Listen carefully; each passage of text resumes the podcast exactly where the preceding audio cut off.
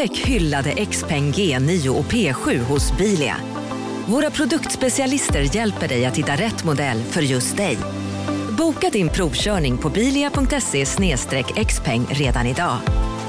Välkommen till Bilia, din specialist på XPeng. Hej, Synoptik här. Visste du att solens UV-strålar kan vara skadliga och åldra dina ögon i förtid? Kom in till oss så hjälper vi dig att hitta rätt solglasögon som skyddar dina ögon. Välkommen till Synoptik. CSRD, ännu en förkortning som väcker känslor hos företagare.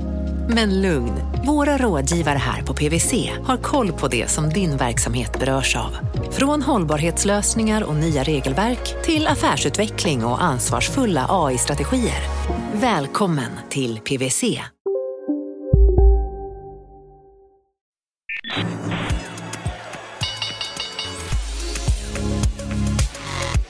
Här är Affärsvärlden med Helene Rådstein.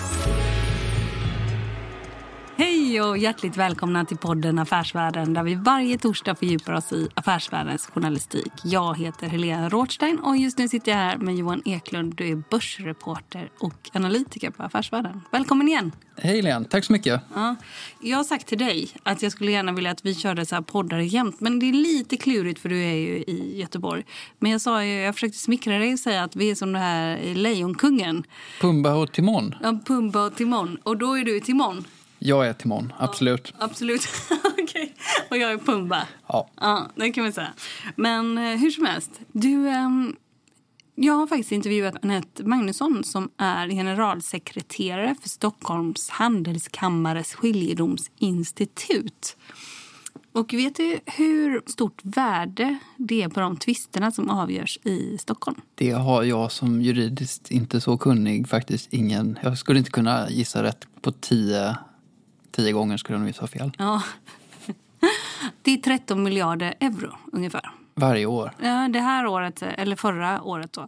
Och det som eh, har skett är att eh, tvisterna har blivit färre, men beloppen har blivit större. Det är framförallt några få tvister som verkligen har skenat iväg. Inte minst har vi en hel del energitvister i Stockholm. Då. Och det är ganska intressant att följa. Det finns ju också ganska hård konkurrens mellan... Ja, är det så att Stockholm försöker att liksom få, få, få det högsta... Man ska vara platsen där det avgörs, när det är riktigt knivigt då i, i oljefältet eller vad det, vad det handlar om? Ja, det är faktiskt så att Stockholm har haft en unik position, i alla fall tidigare. Men nu så pratar hon också om att det finns ju nya institut och det avspeglar också där affärerna och näringslivet har flyttat sig eller äger rum i Singapore till exempel. Och Hongkong har fått eh, skiljedomsinstitut som etablerar sig österut i världen helt enkelt. Det är ganska liksom, intressant såklart att det är så. Baseras det här på vad man har för liksom, vad heter det, med, med juridiskt eh, system? Om det är så anglo eller om det är, eller, eller det är, kör, körs allting enligt den här, eh, vad heter det, English common? Nej, det är faktiskt olika. Man kan faktiskt välja det hur man vill faktiskt i olika, man ska kunna begära det. Mm. Men eh, jag tänkte faktiskt innan vi lyssnar på Annette Magnusson, intervjun med henne, så tänkte jag bara här, du har gjort en eh, analys här. Du gör ju analyser i tidningen nästan hela tiden. Du, eh, och nu så har du gjort en analys här utav Uponor, Upponor, Upponor. Ja, vi är återigen i Norden med sådana bolag som jag själv inte kan uttala. Men, men eh, varumärket, det står ju Upponor eller Opponor ja, på, ja, på grejerna. Ja. Du har ändå satt köp på det här. Varför? Det har jag. Det här är ännu, vi, vi har ju radat upp de här nu, flera av oss på, på Affärsvärlden som skriver börsråd. Har ju, vi har börjat snöa in lite nu på, på byggrelaterat som, eh, som tål mer än vad man vill tro. Alltså många vill sälja allting som har med bygg att göra. Eh, och det här är en sån här leverantör in i byggsektorn som är ganska försiktig och stabil. Och de har ju fallit lika mycket i pris nästan som som de riktigt farliga bygggrejerna. För uh, Uponor, det är, en, det är ett finländskt bolag, det är 101 år gammalt. De mm. levererar en hel del rör kan man säga va? Ja, det är rör. Det är framförallt vatten. Så det, är, det är ganska, det är sån här, eh, ganska, mycket är ju under mark eller inne i ens väggar då. Eh, så det, det är både invändigt vatten i, i bostäder och, och, mm, publika lokaler och fastigheter. Och sen är det så stora rör som går som eh, vattennät och kloaker och så. Det är väldigt osexigt och, och, och sådär. Så det, och det är ett bra bolag eh, med, med, bra produkter och väldigt bra marknadspositioner. Så att, att det sätts ner ungefär lika mycket som mycket annat bygg som är liksom projekt eller supersvajigt. Då gör ju det jätteintressant läge om man tänker eh, att, att det här kan klara väldigt mycket dåliga byggmarknader. Och det är lite spritt också. Det är Nordamerika och Europa. Eh, så, så det är rätt intressant här. Mm. Och det är också en stor finländsk ägarfamilj som eh, liksom också har ägt det hur, alltså generationer tillbaka. Det, det är det. Det är, eh, får ursäkta uttalet, eh, Paasikivis-familjen. Eh, som då, de är helt enkelt familjen som, som har de här Åras eh, vattenblandarna. Då, så att de, de, de har det i sitt familjebolag. Så de har liksom kranen du drar i. Men här då med Opponor så har de alla rören runt inne i hemmet. Och då är det rör av eh, plast då.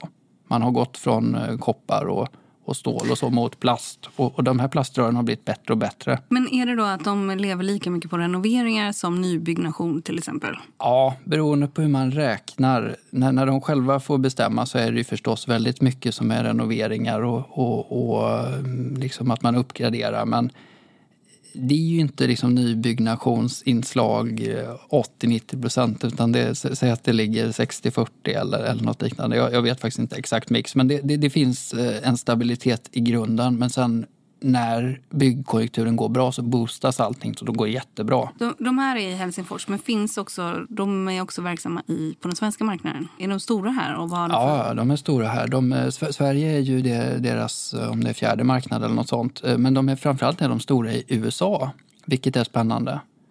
De hade ett historiskt förvärv av ett svenskt bolag som var duktiga på sådana här rör och som fanns redan i USA då på om det var 70-talet eller liknande. Och sen har de byggt ut sina fabriker i USA gång på gång och lyckas få de här plaströren eh, accepterade i fler och fler sorters byggnader eh, och blir någon slags kvalitetsbrand då mot eh, fastighetsprojektörer och installatörer och deras grossister.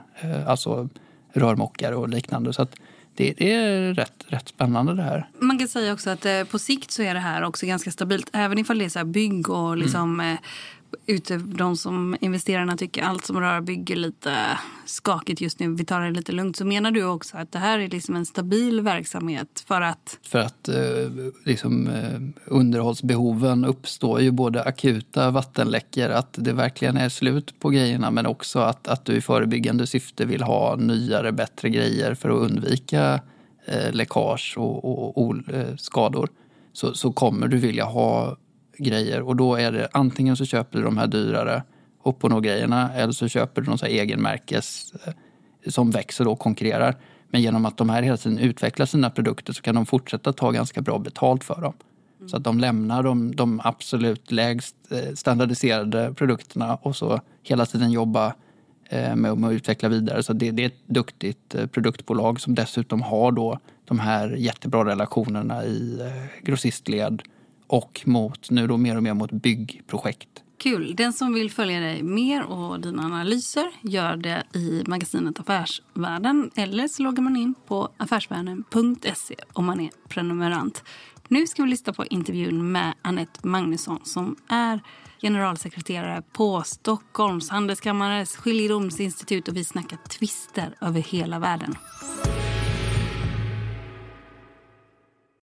Marknaden sponsras av SPP, pensionsbolaget. Eh, förra gången pratade vi lite om ITP.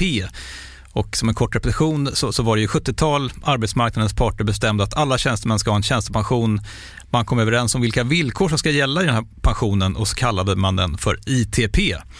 Så jobbar man idag som tjänsteman i ett företag med kollektivavtal, då har man förmodligen den här pensionen, ITP-pensionen. Eh, och det är ju så att man kan påverka eh, den här pensionen, hur den är placerad. Vart femte år så gör nämligen Collectum, som de heter, en enorm upphandling där olika pensionsbolag kan ansöka om att få förvalta eh, de här pensionerna. Och SPP är ett av bolagen som valdes ut i den senaste upphandlingen. Och sen kan du som pensionssparare välja eh, vilket av de här olika pensionsbolagen som, som då ska få ta hand om dina pengar. Och tanken med den här upphandlingen är ju att liksom kvalitetssäkra de här olika alternativen, eh, men också att förhandla fram stora rabatter så att pensionsspararna ska få, ja, kunna spara pengar genom att avgifterna eh, som är så viktiga eh, blir eh, lägre. Och vill man välja någonting i ITP-systemet då finns det en relativt ny sajt som heter avtalat.se. Ehm, där kan man gå in och se hur sin ITP-pension är placerad. Jag gjorde det häromdagen faktiskt. Ehm, idén är att hälften av pengarna alltid ligger i något som kallas för traditionell försäkring. Det här gjorde vi ett avsnitt om i podden Kapitalet nyligen eh, som vi kallade världens bästa sparform. kan man lyssna på om man är intresserad. Eh, den andra halvan eh, den kan man också lägga i en traditionell försäkring eller så kan man placera det i något som kallas för fondförsäkring. Eh, SPP som sagt eh, var ju ett av de fåtal bolagen som valdes ut i den senaste upphandlingen och de finns med som alternativ både med en traditionell försäkring och med eh, fonder. Så det var en liten bakgrund till ITP-systemet. Vill man läsa mer om det här eller typ kolla hur ITP-pensionen är placerad, eh, kanske göra förändringar, då går man in på avtalat.se. Eh, men tack säger jag till SPP som vill göra oss människor mer medvetna om hur enormt viktig pensionen är för oss som en framtida lön, men också som en positiv kraft i samhället eh, och förstås för att ni möjliggör eh, den här podden Marknaden. Du lyssnar på Affärsvärlden Magasin med Helene Rådstein. Välkommen hit. Tack så mycket. Hur vanligt är det att folk vet vad ni gör på Skiljedomsinstitutet? skulle du säga? Jag skulle säga att det är ganska ovanligt om man inte råkar befinna sig i kanske advokatkretsar. Då är det många som är bekanta med det vi gör. Men utanför det så får man ofta förklara vad är det vi gör för någonting. Du kommer slå på fingrarna, mig på fingrarna direkt här. Jag brukar säga att det är en domstol för näringslivet kan man säga. Det är fel eller? Det tycker jag inte är helt fel beskrivet. Det Nej. är ju ett sätt att slutligt lösa tvister utanför den ordinarie domstolen mm. som man väljer om man är företag. För om vi säger då eh, att ni finns överhuvudtaget, det är ju också för att det ska vara smidigt att lösa tvister. Alltså när man inte kommer överens inom det privata näringslivet. Och stater kontra bolag och bolag kontra stater och stater kontra stater. Då så ska man hitta en snabbare väg till att komma fram till eh, vad man ska göra med en tvist. Skiljeförfarande används inom väldigt många olika områden och du är inne på flera av dem där. Man kan ju börja med att säga att anledningen till att det är just handelskammare som har skiljedomsinstitut, och det är inte bara i Sverige utan så ser det ut över hela världen, inte minst internationella handelskammaren har en väldigt stor skiljedomstol, global. Anledningen till det är ju att man tycker att det ligger inom handelskammarens uppdrag att se till så att det funkar smidigt. Att man har att man olja i maskineriet. Handelskammaren är traditionellt en oberoende tredje part i en rad olika sammanhang för att tillse då att näringslivet kan fungera så smidigt som möjligt. Och tvistlösning är ett exempel på det. Och då har vi i Sverige och i Stockholm utvecklats till en ganska unik aktör inom internationell tvistlösning. Både för kommersiella tvister på Stockholms handelskammare men även skulle jag vilja påstå att Sverige som land har en väldigt stark tradition att vara ett neutralt forum för internationella tvister. Och vi har, om vi tittar tillbaks i historien, haft en hel del framträdande individer som har agerat som skiljedomare på den, på den globala arenan eh, som också har bidragit till att stärka Sveriges plats på den spelplanen eller i världen. Och då eh, är det väl framförallt tvister mellan öst och väst som har man väl lyft fram Sverige som. Här kan man avgöra sina tvister eh, som, ett, som en neutral part historiskt sett. Ni är väl 102 år gamla, eller hur många år är ni? Det stämmer att ja. Eh, Skiljedomsinstitutet, vi firade 100 år 2017, så det blir 102 ja. i år. Ja.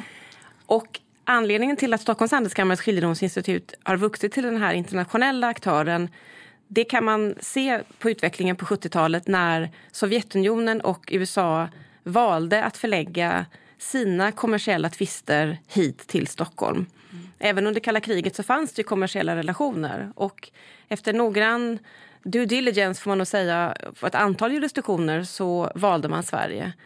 Och med det, det kan man säga blev startpunkten för den utveckling som vi har sett sedan dess att vi ser fler och fler internationella tvister i Sverige. När Sovjetunionen eh, delades upp på 90-talet, när den internationella handeln med den delen av världen ökade, när investeringarna i öst ökade, så hade man en vana att hänvisa i sina avtal till Stockholms handelskammares skiljedomsinstitut.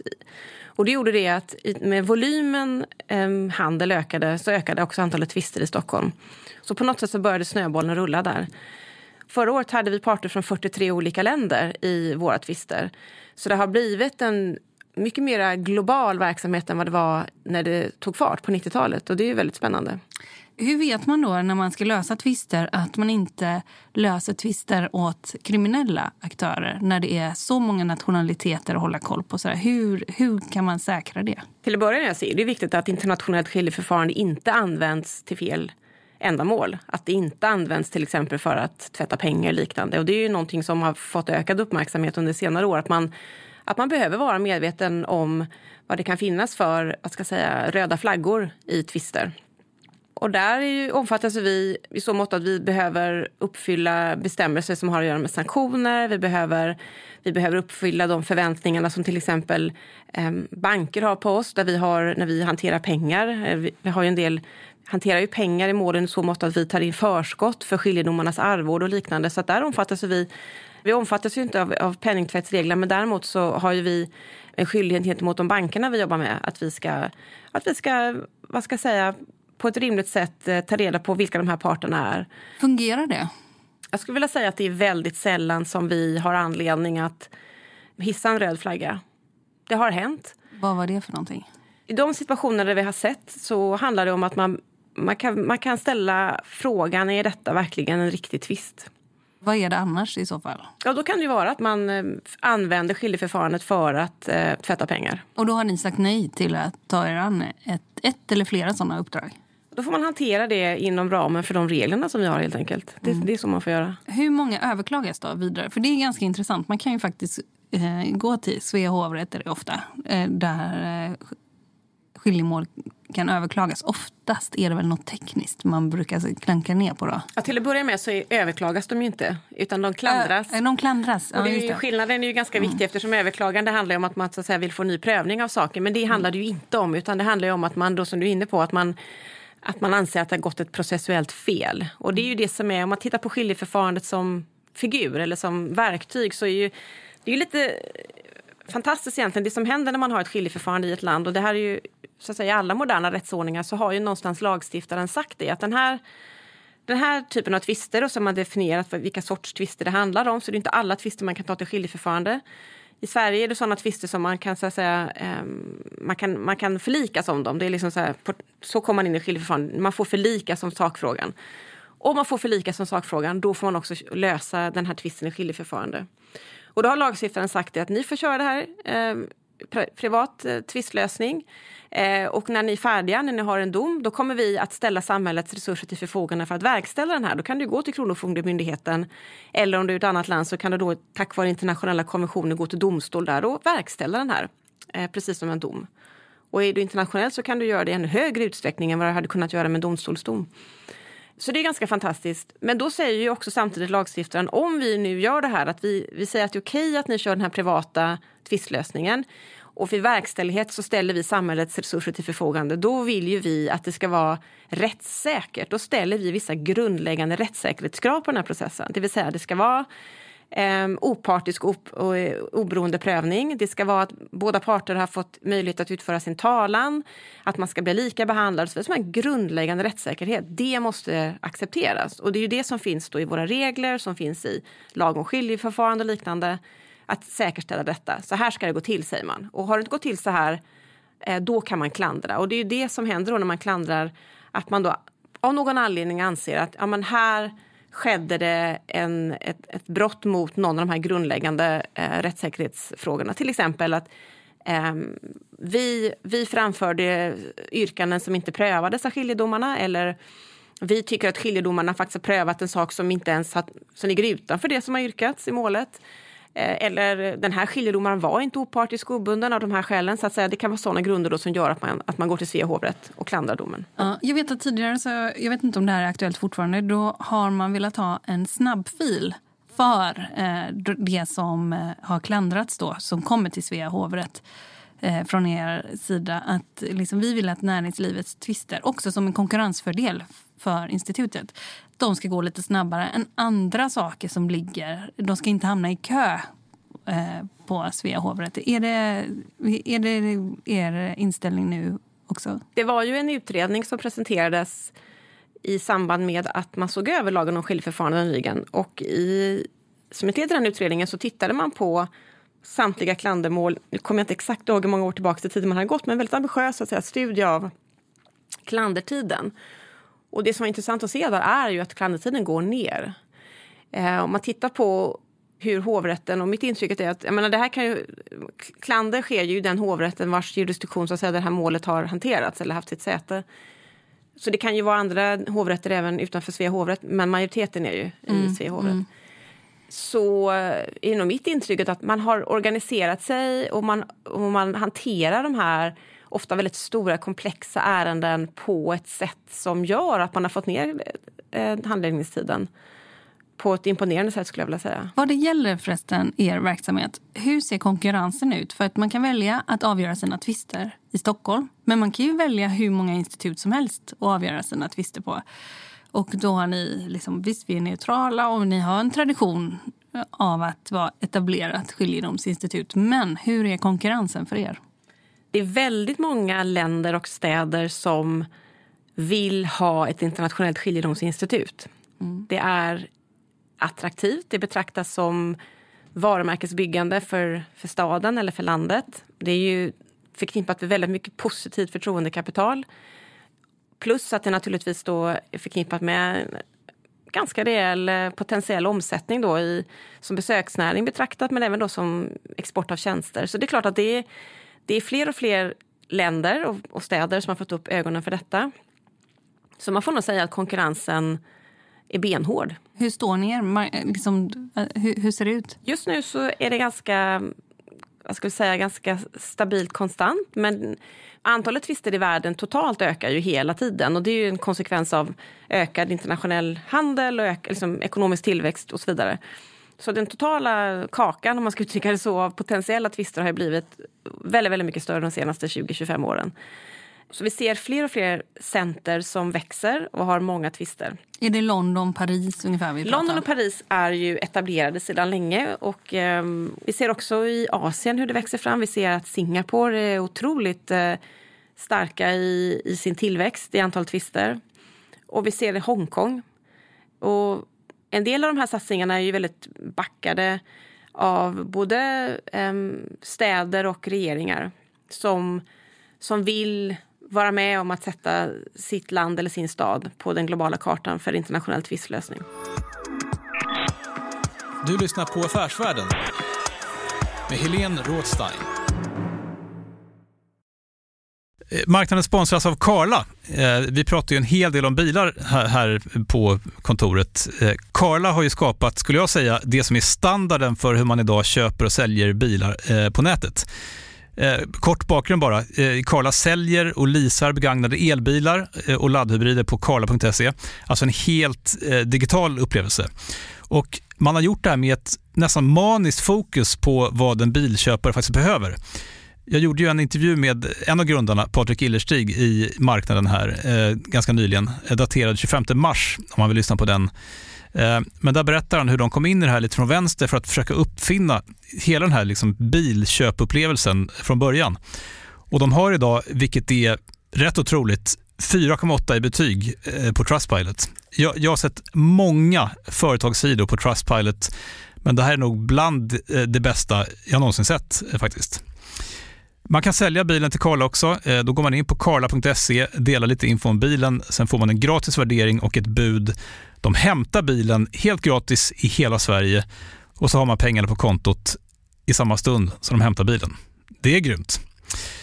Eh, så ska du köpa en ny bil eller sälja din gamla, eller båda delar för den delen, gå in på karla.se och eh, kolla. Alltså karla.se och Karla stavas med C. Tack så mycket till Karla.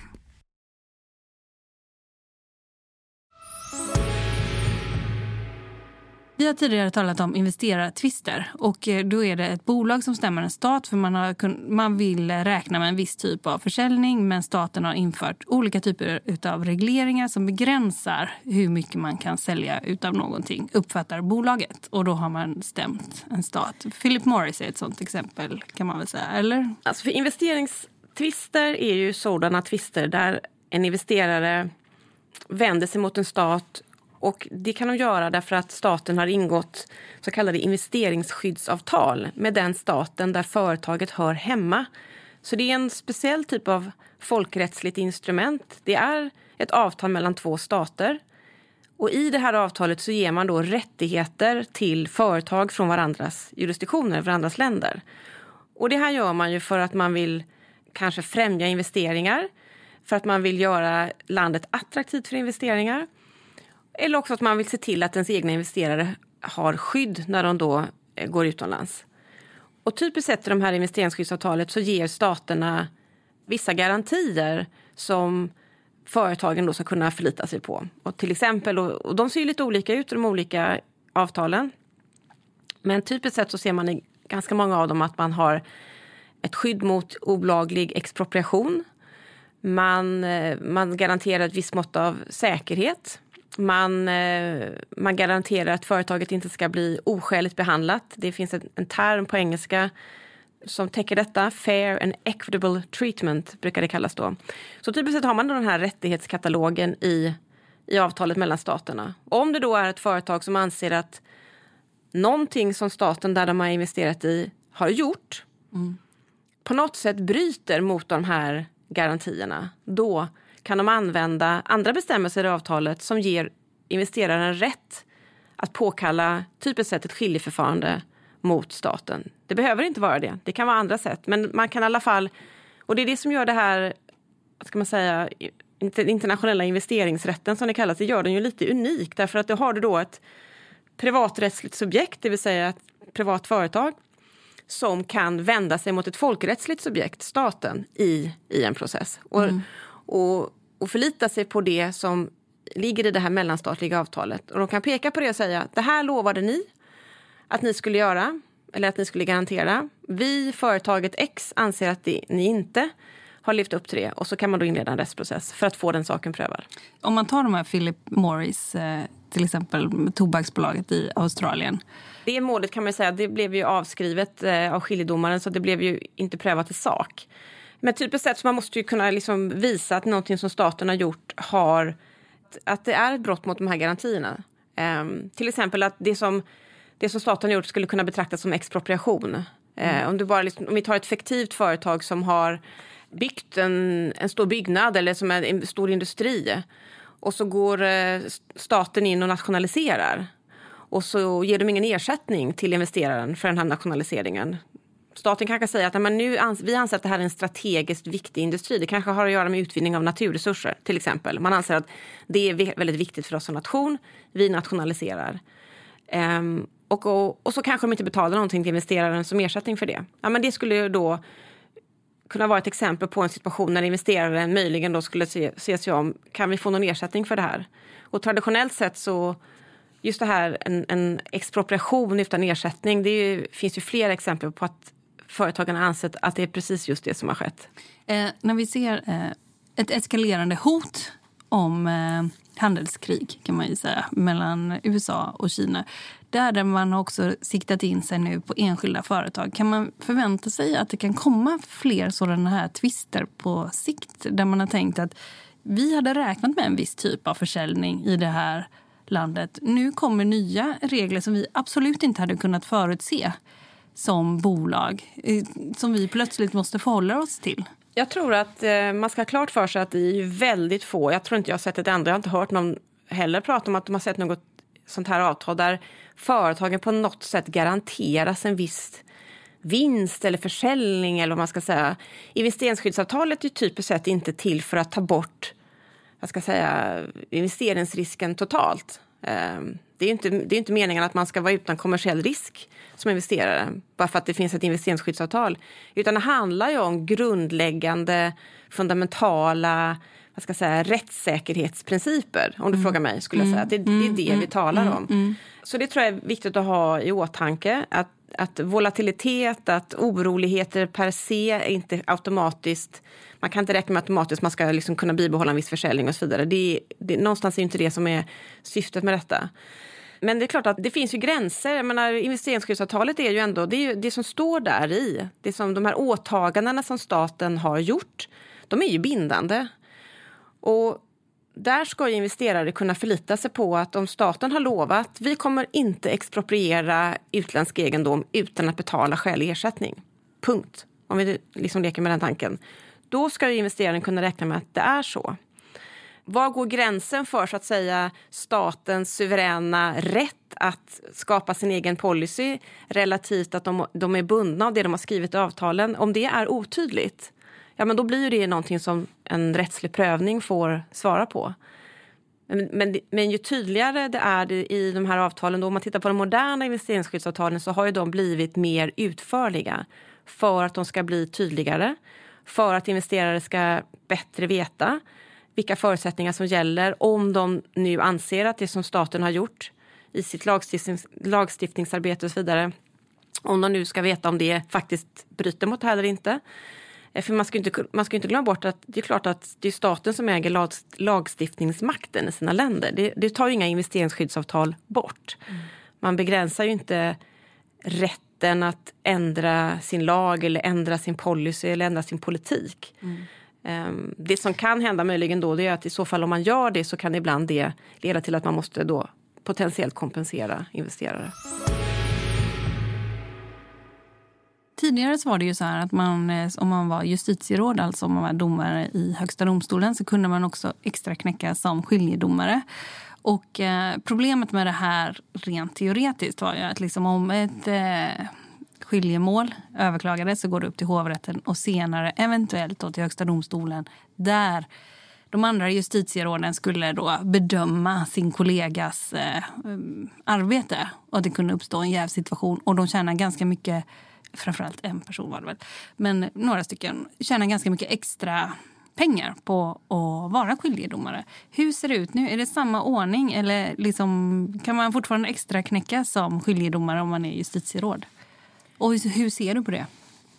Det stämmer att eh, vi har en hel del domare i Sverige som sitter som skiljedomare eh, parallellt. Och på det sättet så skiljer sig Sverige ut lite grann skulle jag säga från andra länder. Eh, så den, det förekommer fortfarande. Vi ser väldigt få domare i våra tvister helt enkelt. Få domare i era tvister? Om parterna väljer att utse en domare, till, ja. till exempel en ensam skiljedomare, så är det parternas beslut att göra det. Vi, ja. Om man till exempel ska ha en skiljedomare i, i våra mål mm. så eh, ger vi alltid parterna först chansen att komma överens om att utse en person. Mm. Eh, och det, det krav vi ställer på den personen eh, är att den personen ska vara opartisk och obunden. Det är så att säga, det kravet vi ställer. I övrigt så eh, så får man ju utse, höll på att säga, vem man vill eh, som skiljedomare om man är överens om det. Eh, det behöver inte ens vara en jurist. Eh, nu är det ju nästan alltid det. Men, men det ska vara en opartisk och obunden person. Det är liksom det rättssäkerhetskravet. Så att säga. Och sen kan den sitta i Alltså, man kan jobba som domare i hovrätten eller vara var, justitieråd. Alltså vad som helst kan man säga. Mm. Den, den, personen får ju ta ställning till, kan jag ta det här uppdraget? Mm. Och det är ju nästan fråga då för till exempel Domstolsverket, hur de ser på det i så fall. Ja, bisysslor ja. för ja. domare är ju någonting som, den frågan äger ju inte vi riktigt. Nej, nej, nej, nej, jag förstår det. Vad är dina tre viktigaste frågor som du driver just nu? Det vi tittar på i närtid är ju digitalisering eh, och hur det påverkar mm, både vad vi gör och även då hur vi levererar det till de som är involverade i våra mål. Eh, vi kommer i september att lansera en helt ny digital plattform för hantering av alla våra skiljemål. Det här är ju någonting som alla tittar på naturligtvis och det är ju någonting som användarna förväntar sig. Och det är någonting som jag förstår på ombuden att eller på advokaterna, deras klienter frågar efter. Om de är i ett läge när de ska välja mellan olika skiljedomsinstitutioner då ställs frågan hur ser det ut med cybersäkerhet på eh, institution XYZ. Det det är en stor medvetenhet om att det här är viktigt. Så jag tror att det här är något som vi alla måste så att säga, eh, inkludera i, i våra tjänster framöver. Är det ett led i legal tech-utvecklingen? Det skulle jag nog kunna säga att det är absolut. Att det handlar ju om att, att eh, leverera eh, tjänster, eh, juridiska tjänster eh, i den digitala miljön. Och ibland innebär det att tjänsten i sig förändras och ibland innebär det bara att man har ett nytt verktyg för hur, hur man levererar tjänsten. Och eh, punkt två, vad, vad, skulle du säga det är då? Punkt två i utmaningar, eller vad som kokar just nu, det är de här som jag var inne på tidigare. Den stora komplexiteten, den stora, att tvisterna blir större och eh, mer eh, stökiga generellt. Mm. Alltså det kan vara hur många parter som helst Många parter, många avtalsrelationer. Mm. Mm. Eh, många länder inblandade, många mm. kulturer. Man ska inte underskatta mm. betydelsen av att man kommer mm. från olika rättsliga kulturer. Många nya aktörer helt enkelt. Och då behöver man ju ha skiljedomsregler som adresserar det. Man måste uppgradera sina regler för att möta behoven. Och man måste ha väldigt högkvalificerade medarbetare på skiljedomsinstitutionerna. Mm. Det tror jag alla institutioner skulle säga om du skulle, om du skulle fråga dem. Eh, jag satt i en panel för inte så länge sedan där vi alla konstaterade att det ställs högre krav på oss som sitter på institutionerna. På grund av det komplexa Precis. globala näringslivet? Man måste liksom. ta en större ledarroll kan man säga i, eh, i att eh, administrera tvisten. Mm. Den tredje punkten tror jag kommer vara trovärdighet och mångfald vid utseendet av skiljedomare. Vi har jobbat mycket i Sverige med, ehm, och inte bara i Sverige, men här har vi varit väldigt duktiga på att öka mångfalden om vi tittar på män och kvinnor. Att vi har ännu fler duktiga skiljedomare som är kvinnor som, som håller på att etablera sig eller har etablerat sig. Så där har vi har, om vi ska prata statistik kan vi vara ganska stolta över vår statistik. Men jag tror också att ser man skiljeförfarande globalt så behöver vi jobba både med mångfald män och kvinnor men även få in flera... Yngre va? Eh, ja, där tycker jag nog att vi har en hyfsat bra tillväxt. Uh, uh, uh. Och inte minst att vi har en hel del skiljedomarutbildningar och program och, och, alla möjliga sätt för yngre mm. jurister att komma in i det så att säga. Mm. Jag tänker mera på eh, att du ska ha alla de länder som figurerar som parter i de internationella tvister. Du ska även ha skiljedomare med de nationaliteterna. Så att, inte, så att det inte blir att det är bara personer från ett fåtal länder i Västeuropa. Nu är det inte så, men, mm. men det är mm. lite för hög utsträckning en tendens till det. Så sitter och löser tvisten även om parterna kommer ifrån, vad vet jag? Eh, Kazakstan. Eh, Kazakstan, Afrika, Mellanöstern, Sydamerika. Du behöver en större mångfald i skiljedomarkåren globalt. Och, och, och, och det, är, det är ingen liksom, estetisk grej utan det handlar om helt enkelt alltså rättsläget, rättskulturen för att kunna lösa tvisterna menar du? Eller? Jag tror att det behövs av flera skäl. Inte minst för, för förtroendet för skiljeförfarande som fenomen. Jag tror inte nödvändigtvis att, att man är en sämre skiljedomare bara för att man kommer från ett land som inte är det landet så att säga, som parterna kommer ifrån det beror lite grann på hur tvisten ser ut, eller på att säga, vad det är som är det viktiga. Men jag tror att det blir konstigt ifall vi har eh, en stor representation från hela världen av det internationella näringslivet som, som använder skiljeförfarande men att skiljedomarna inte är lika representativa för, för världen så att säga, mm. i, i kollektivt. Um, helt enkelt. Så där tror jag vi skiljedomsinstitutioner globalt gemensamt behöver um, ja, prata om den frågan. Anette Magnusson, generalsekreterare för Stockholms handelskammares skiljedomsinstitut. Tack för att du kom hit. Tack så mycket. Du har lyssnat på en podd från Affärsvärlden. Jag heter Helene Rothstein. Mer fördjupande journalistik om näringslivet finns både på nätet och i Sveriges äldsta och faktiskt bästa affärsmagasin. Du hittar oss enklast på affärsvärlden.se och podden, den är tillbaka om en vecka. Håll ut!